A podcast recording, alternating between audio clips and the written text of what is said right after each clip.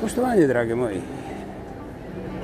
Ovoj put, 21. marta je, mora biti da je proljeće stiglo i tamo odakle je pobjeglo. I sada kad je već proljeće, onda 135. slama sa vama, samoproglašen lingvistički aktivista ja pa ja, a ko bi drugi Vladimir kreće sa predivnih stenovitih planina molim vas, izađite danas u šetnju, a u ovom podcastu, bez obzira o čemu ja govorio, nema ni primisli o mržnji, bilo kakvoj, jer me ne zanima, želim da razmišljate o izloženim činjenicama, dakle, nema primisli nikakvoj mržnji, zato ćemo napraviti jedno 150 podcasta o mržnji, jer to je popularna tema, ali također, nema ni primisli o problemima jezičnim ili da li je moguće da se čujemo i tome slično. Naime, u svim situacijama koje opisujemo ovdje, dva čovjeka su gotovo na najmanjoj mogućoj udaljenosti, znači korak dva, u prostorima i na mjestima gdje jednostavno nema obstrukcije, dakle, čujnost je ne želim da pretjerujem, ali uzmimo da je apsolutna kod nedostatka neke bolje riječi. Dakle, zapamtite kroz cijelu ovu priču, kroz cijeli ovaj podcast danas, ne govorimo o mržnji čak ni indirektno, a još manje ovdje ima nerazumijevanja, da li jezičkog, da li čisto zvučnog, da li se nismo čuli i tome slično. Dakle, isključimo te dvije stvari za ovu priču. Priča broj 1.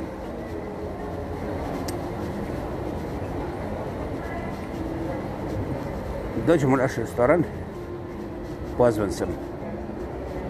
Ovaj, kad kažem naš, onda je to, Bože moj, regionalni. Znači, nije kineski, nije japanski, nije ni madagaskarski, jeste, jeste, ima i takav, vidio sam, bio sam.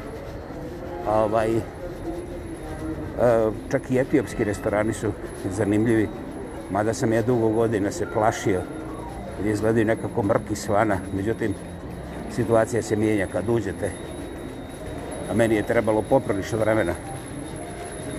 Međutim, kada se desi naš čovjek, onako, kako bi rekli, meraklija, pa onda još iz meraka te pozove, hajmo, stvari je vrlo komplicirana, pomozi mi, imam kilo janjetine, moram to da uništim, to mi je rekla ovaj, mama, a evo i doktorica. I ja onda kažem, juhuhu, znaš, e ček, ček, ček, ček, ko to plaća? Kaže on, rođo, ja sam zvao, ja sve plaćam, divota. Sve izgleda normalno, tako? Pa izgleda. I onda ja dođem, dotrčim i ne bih opisivao šta se pojavilo na tanjuru. Međutim, vrlo brzo ćemo se razumjeti ako vam kažem da nisam u životu sreo ne nisam sreo čovjeka čovjeka to kod mene uključuje nosioce svih spolovila i svih međuspolovilnih opredjeljenja znači nisam sreo čovjeka koji ima 15 godine više a da nije po mirisu prepoznao na primjer pečenje, za razliku od rođendanske torte. Izaberite paralelu. I šta se desi?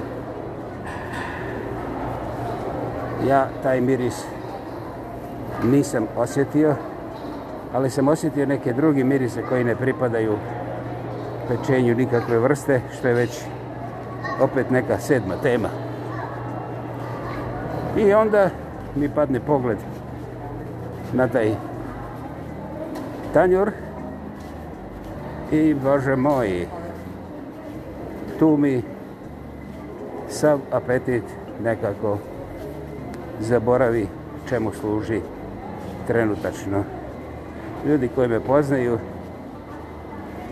ne moraju imati nikakvu dodatnu informaciju da sam ja e, sa tim apetitom uvijek imao ovaj, veliku borbu da ga obuzdam. Ali evo u ovakvim situacijama ne vam šta da obuzdavam, jednostavno ispari.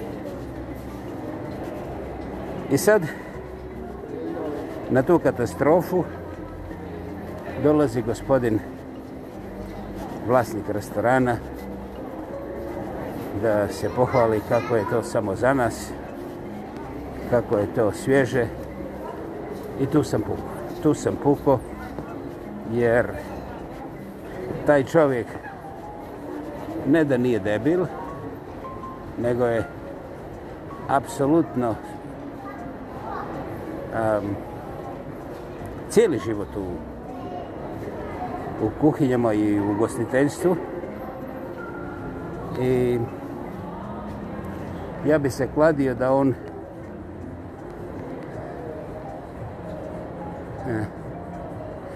Ja se neću kladiti, ne bi, neću da ulazim u tako, takav dijalog, jer ovo je bio kriminal. On vrlo dobro masira svoje tržište, jer ako nas šokira i mi priznamo da je to svježe, onda je on odradio posao i ne može ga niko obtužiti što je uzeo XY dolara, što sigurno nije jeftino. Ja ovdje neću da navodim. Međutim, dok se mi oba dvojica izrijekom nismo složili da je to svježe i da je to fantastično, on nije prestao da nam objašnjava kako je to svježe. Ja sam mislio da će se tu priča završiti. Nije. Šta je bilo u produžetku? Ovaj, neću vam to govoriti, ali znate, ako vam neko servira govno i vi dozvolite sebi da sjedite tu dulje od 2 sekunda, onda taj ko vam je servirao govor ima pravo da vam se popiša po glavi. I, Bože moj, nastavite. Da li sam ja tu rekao kada vam neko servira ovaj govnu da vi morate da trpite ili da pravite scene? Dragi Bože, ni pošto, ni pošto. Naime, onog momenta kada vidite, a to ćete vidjeti bez ičijeg objašnjenja ili kada pomirišete i to ćete pomirisati bez ičijeg objašnjenja, nešto što je suprotno onome što ste vi poručili i to ozbiljno suprotno, onda je vaša civilizacijska dužnost da sasvim ljubazno ustanete, znači ne lupate, ne vučite, ne tresete, ne vičete, jer možda drugi gosti hoće da budu jeveni. Mislim, to nije baš problem. Ovaj, iako vas ovaj nešto pita, recite mu, žurim, razgovarat ćemo sljedeći put. Hvala vam najljepše, doviđenje. Da li ste vi mekani i tako dalje? Ako hoćete tu priču, regionalnu, balkansku, da razvijate, nastavite bez mene, jer ona ima samo jedan problem. Apsolutno i kompletno je besmislena i vi ćete uvijek biti žrtva. Ako hoćete da pjevate drugim o tome kako ste žrtva, nastavite. Ja neću, ja odluh u restoran preko puta gdje serviraju doista svježu hranu, znači, znači ne recikliranu, ne pet puta podgrijavanu, ne barem tri puta zamrzavanu pa odmrzavanu. Dakle, ja idem tamo gdje ima hrane koja mome tijelu koristi, a mome stomaku neće, prob, neće praviti probavne probleme i ostale probleme, ali to je već druga, duga priča. Eto, to je ta stvar koja se, koliko se ja sjećam, ni u jednoj mojoj školi nije učila, a ovi eksperti za ugostiteljstvo što recikliraju stvari koje su hm, ah, neću sad da pričam koje su sve metode i koje vas šokiraju sa tim psihijatrijskim ratom da vas ubijede, jer kad vi kažete da je to dobro, onda vi postavljate pitanje samim sebi. Pa zašto sam rekao da je dobro ako je bilo očigledno lošno? Zašto sam je ovo ako je bilo ljigavo i izgledalo je kao emulzija, razumiješ, i tako dalje. Dakle, on vas je uzeo na Jahovaj si i to je štokholmski sindrom. Vi ćete biti uvjereni da volite svoga teroristu. Jer on je jedan neskoćen, a vi ste najzad otkrili da on to radi zbog neskoćenosti, ne zbog toga što je monumentalno sebičan i kriminalno neprofesionalno. Izvolite, dobar tek. Ja vam ne stojim na putu. Situacija broj dva. E, ja nisam nikad bio oduševljen sa glomaznim autima, ono, znaš, autobus, aerodrom, onda te pomoćne podmornice i tako dalje. Ne znam zbog čega to mi nije trebalo. Dakle, meni je auto, recimo po veličini, od stojadina pa do danas, ta veličina, ne mislim kvaliteta, zaboravi to, a ovaj je, mi je bilo sasvim okej. Okay. Dakle, meni nije trebao auto da, da kažem, koliki mi je fitilj.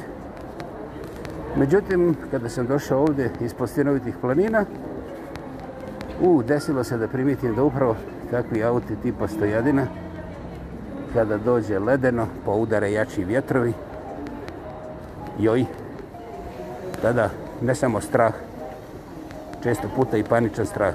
Dakle, odmah mi je bilo jasno da je sve ispod jedne tone u preriji, a pogotovo kad se krene u planine, prelagašno. Dakle, nisam ja pomislio da će mi neka pomoćna podmornica sa stotinjak tona gvožđa omogućiti da budem nepobjediv na cesti, ali u nekakvim svakodnevnim okolnostima, barem tonu i po gvožđa na četiri kotača je pametno imati, jer umjesto da ne vozim četiri dana zimi sa jednim takvim autom, postoji mogućnost da vozim svih četiri dana. I to je nešto što me je opredijelilo za veća auto. Jedan drugi, opet naš čovjek, bilo ih je više, ja ću ja to nazvati, e, samo jednoga, XY, jeli? A ovaj, koji je uvijek vozio krševe, znači auta koje su reciklirane 57 puta, pa onda on ih nekako osposobi da se vozi. On je uvijek i svakome okolo primjećivo kako mu je auto ovako, onako. Znači svi su njegovi okolo njega znali da on ima, kaže kako su im auta ružna, prevelika, premalena, prosto niko oko njega nije mogo da ima auto. Jedino on ima auto, njegov auto je bio... E, ja sam pristojan, krš. I ja to nisam istraživao. Ali pošto smo godinama živjeli blizu, ja sam imao priliku da to vidim. I čak sam i sa Helenom razgovarao. Što, što tom čovjeku to treba, znaš? Kada bi moj čuko bio najružniji čuko na svijetu, ja ne bi išao okolo ljudima koji imaju druge čuke objašnjavati kako su njihove čuke sa velikom ljuškom, dugačkim repom i svim tim problemima. Jednostavno, jednostavno bi taj dio priče ostavio nekomentiran. I ovaj, to nije išlo tako. To nije išlo tako, taj čovjek jednostavno nije mogao da se zostavi. On je čak i gradskim autobusima pronalazio probleme. A ja se ne sjećam da sam ga vidio da koristi taj gradski autobus. Ali za sve je znao. I, znaš, ja volim porazgovarati sa čovjekom, ali čovječ je nakon već... Ha, dobro, neću reći 10 sekundi, ali nakon već prve minute mene je volio stomak i pitao sam sebe koliki sam ja mazohista, zašto meni treba? Mislim, ja se slažem, ja nemam ništa protiv njegovog pogleda na svijet. I moje auto je ružno, i autobus koji prolazi kod mojeg auto je ružno, sve. Ali, znaš, ja sam taj naivac, pošto znam da čovjek nije mentalno bolestan. Jednostavno, s čime se bavi, kako se bavi, šta radi, kako radi, familija, sve to skupa. Uh, ukazuje da on ipak ima mentalnu kontrolu svog intelektualnog potencijala. I tu se, tu se ne da puno raspraviti, osim da ga odvede na psihijatriju. Ovi će onda pregledati mene, zašto ja zdravog čovjeka dovodim tamo. Dakle, bad luck. I ja njega nisam tražio da ga ispravim ili da ga ne ispravim. Nego jednostavno hoćeš, nećeš. Svaki mjesec jedan put, dva put naletimo jedne na druge. Jednostavno nekako izgleda nemoguće. I stalno ne valja. Onda se desilo da smo Helene i ja, to je bilo već 2009. uzeli jedan prekrasan crossover koji je otprilike a, ne baš otprilike, nego zapravo suštinski i tehnički specifično, a veći posebno putnički prostor unutra nego što ga ima full size Cadillac Escalade koji je jedan od najtraženijih i najluksuznijih SUVs na tržištu. I onda se meni desilo da ja kažem Heleni, pa jel se može želi sad na ovo auto, pošto su sjedišta bila takva da sam ja rekao Heleni, čovječe, da sam znao da će nas odvojiti toliko. Helena uvijek sjedila do mene, ona nije imala vozačko zbog očiju. Mi smo oko toga pravili vice, znači ono kao ne možemo se dohvatiti. Jer između nas je doista, doista bio veliki prostor. Ja sad kažem, e, ako pozovemo ovog našeg veseljaka, šta misliš? Hoće li se on požaliti? da mu je malo, da mu je tjesno. A inače on je u to vrijeme vozio auto koje je moglo stati u prtljažni prostor toga crossovera koga smo Helene ja uzeli. Kaže Helena hoće, ja kažem pa ti moraš biti luda. Kaže on, znaš, a ti si toliko pametan da ne vidiš dalje odnosa. Ali, ja kaže, znaš šta, ja, ja ne mogu zamisliti da čovjek može lupiti takvu ovaj, glupost. Ono, da napravim eksperiment. Kaže ona meni, nemoj, ostaće ti ručak da nas ne, ne takrati. A, učini nešto za sebe, nemoj. Ja kažem, jel tebi smeta ako ja to učinim? Kažem, ja znaš, meni ne smeta, ali ja znam da će tebe puno smetati. Ja kažem, čovječ, ti si toliko sigurno da ja, da ja to moram istražiti, jer ovoga, ovaj, ja ne vjerujem da je to moguće.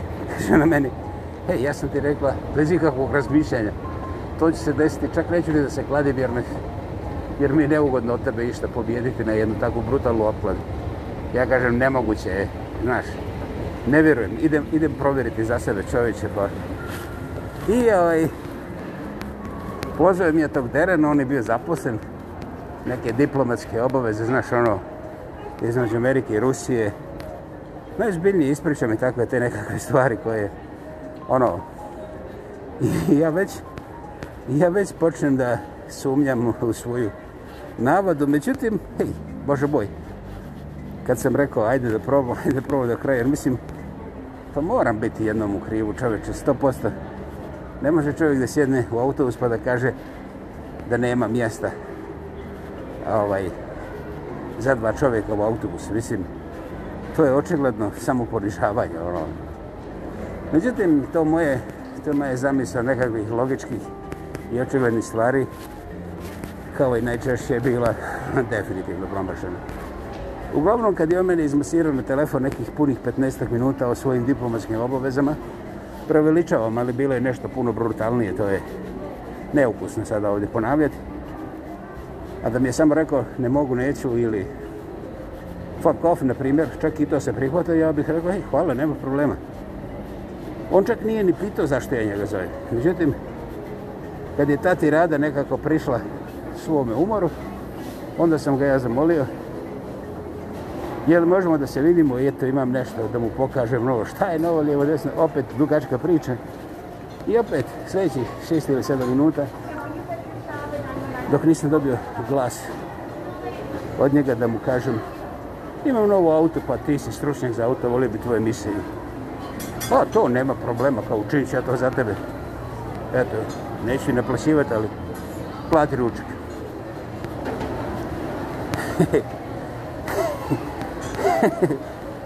Nisam ništa rekao, ja sam rekao samo hvala, eto vidimo se tu i tu, jeli, na Jelačeć placu, pošto svi znaju gdje je Jelačeć plac u Kalgariju. A, i dođe me.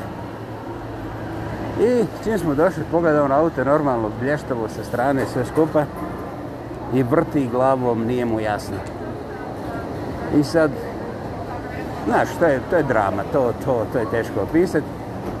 I uglavnom, ja, sad, ono, kad doznao šta si vidio, hele, pa znaš, ti imaš četiri auspuha. Hele, Hmm. Ja kažem, to su četiri otvora, ali imaju samo dvije grane, to je V8. Kaže, znam, ja znam, ja znam sve to, ali ti imaš četiri auspuha. O Bože moj blagi, o Bože moj blagi. Složim se ja sa tim. Pa kaže, kakav ti je pogon? A pa ja kažem, motorni. Kako, kako, kako, kako motor? I sad stvari idu tako ovaj, veselo. I nakon nekih dvadesetak minuta objašnjavanja kako auto funkcionira i kako je boja malo tamnija nego što bi trebala biti svjetlija ili kako je, mislim, znaš, ipak, ipak bi on preporučio metalik i masu toga. Ja kažem, ajmo, ovaj, obećao sam ti ručak za ove tvoje stručne observacije. Kaže, da, da, nisam to za... Drago mi što nisam zaboravio. Ajmo ručati. Evo, već je pola dva, ručak se ohladi, ovi će zatvoriti jer oni serviraju ručak do 2.30. I sad on meni opet je objasni kako će oni zbog njega servirati ručak dok on hoće. I tu sam morao da poslušam još 5 minuta instrukcija. I onda Helena mu oslobodi prvo mjesto ovaj, do, suvo, do vozača, suvozačevo mjesto, dakle, i ja odim. On ulazi, on je ovako čovac koji za sebe voli govoriti da ima, recimo, 175, ponekad 177.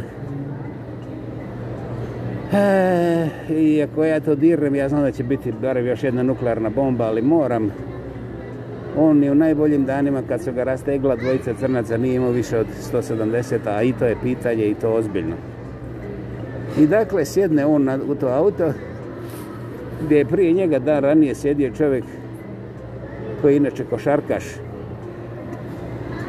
i ima preko 2 metra, ja nisam sigurno koliko, ali ima preko 2 metra i koji je ovaj, bio oduševljen prostorom, ispružio noge, veselio se. Ovaj nije ni ušao, nije ni sjeo, već je počeo da se žali, joj, ja ću ovdje izobijati koljena. Njegova koljena su preko metar bili od ovoga, od ove plastike, del dashboarda i tako dalje. Preko metar. Ja gledam čovjeka, jer se on sa mnom šegače, šta se dešava? Ništa od toga, ozbiljno. On je mrtav, ozbiljen, pati, gotovo ga je klaustofobija udarila. A kažem, ponavljam, njegovo auto je ovaj, auto koje staje u portapak, ono kad preklopim ova zadnja sjedala, imaju tri reda sjedala, ja njegovo auto cijelo stavim u moj portapak i vozimo se mi napred, imamo još mjesta za dva čovjeka. Dakle, da li sam ja tu nešto naučio? Pa očito da nisam ništa. Očito da nisam ništa. Ovaj, ali mogu vama reći, ukoliko vam vaša Helena kaže nemojte zvati Peru jer on godinama nađe manu za sve. Sve je krivo.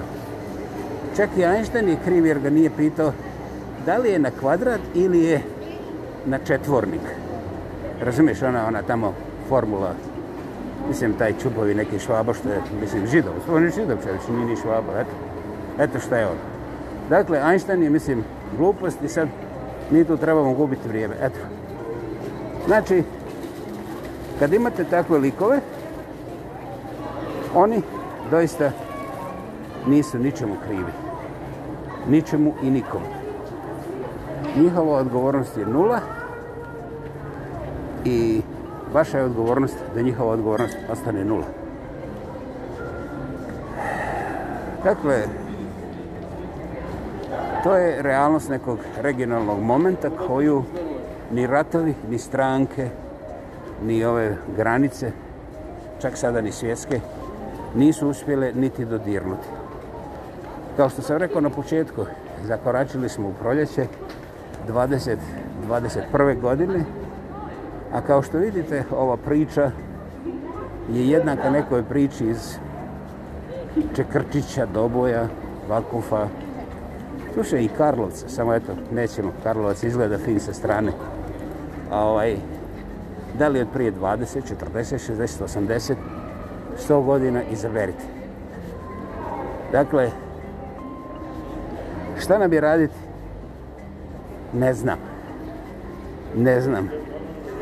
Ja kao stariji čovac volim ovako da govorim, pa onda napravim sebi podcast, pa kažem odgovorno šta sam ja doživio. Ukoliko vas zanima šta ćete vi doživjeti, onda možete da se okoristite ovim mojim iskustvom, jer umjesto da istražujete šta će ovaj čovac koji nema ni jednu sablju, ni jednu pušku, ni jedan tank, ali starno se rucka ili doserava, da ako želite da istražite kad će on prestati to da radi, sretan vam put. U zadnjih 100 godina to se nije desilo. Dakle, vi morate prepoznati ko vas se zagađuje. Ako odete u restoran u kome vam vlasnik restorana dođe i restoranski otpadak smeće koje je skupljeno ispred drugih mušterija ili premrzavano, zamrzavano stotinu puta i on vam objašnjava kako je to svježe i zdravo, i vi mu dozvolite da izgovori prvu rečenicu, Bože moj, onda uživajte ručku, ostavite na ručku i platite ga također. Ja sam također takav promašeni ručak platio, ali zahvalio sam se Bogu što sam najzad otvorio oči i rekao sam sebi, hej, naš eksperiment više ne postoji ja nemam pravo da uništavam sebe poradi nečijeg bezobrazluka, sebičnosti i brutalne pohlepe da budemo načista. Eto, to sam ja uradio, a vi uradite što vam draga volja hoće, naravno ukoliko možete, jer ako prepoznate ove krvopije vašeg vremena i vašeg obraza, onda imate situaciju u kojoj ćete zaplivati svojim oceanom slobode i gušta i vjerujte mi, to je onda božarski dar jer nije ograničen predrasudama koje ste pokupili od ne baš najboljih ljudi koje ste usput sreli. Dakle, kao bakcijel, idite na mjesta, distancirajte se. Nije samo korona od čega se trebate distancirati. Da, baš tako. Nije samo korona od čega se trebate distancirati. Uživajte. Život je vrlo kratak, a danas je i posebno sladak jer je proljeće. Sad izvanično tu. 135. slama sa vama, ja pa ja, ko bi drugi. Vladimir kreće sa predivnih stenovitih planina. Hvala. I čujemo se čim se opet dohodim ovoga mikrofona. Hvala.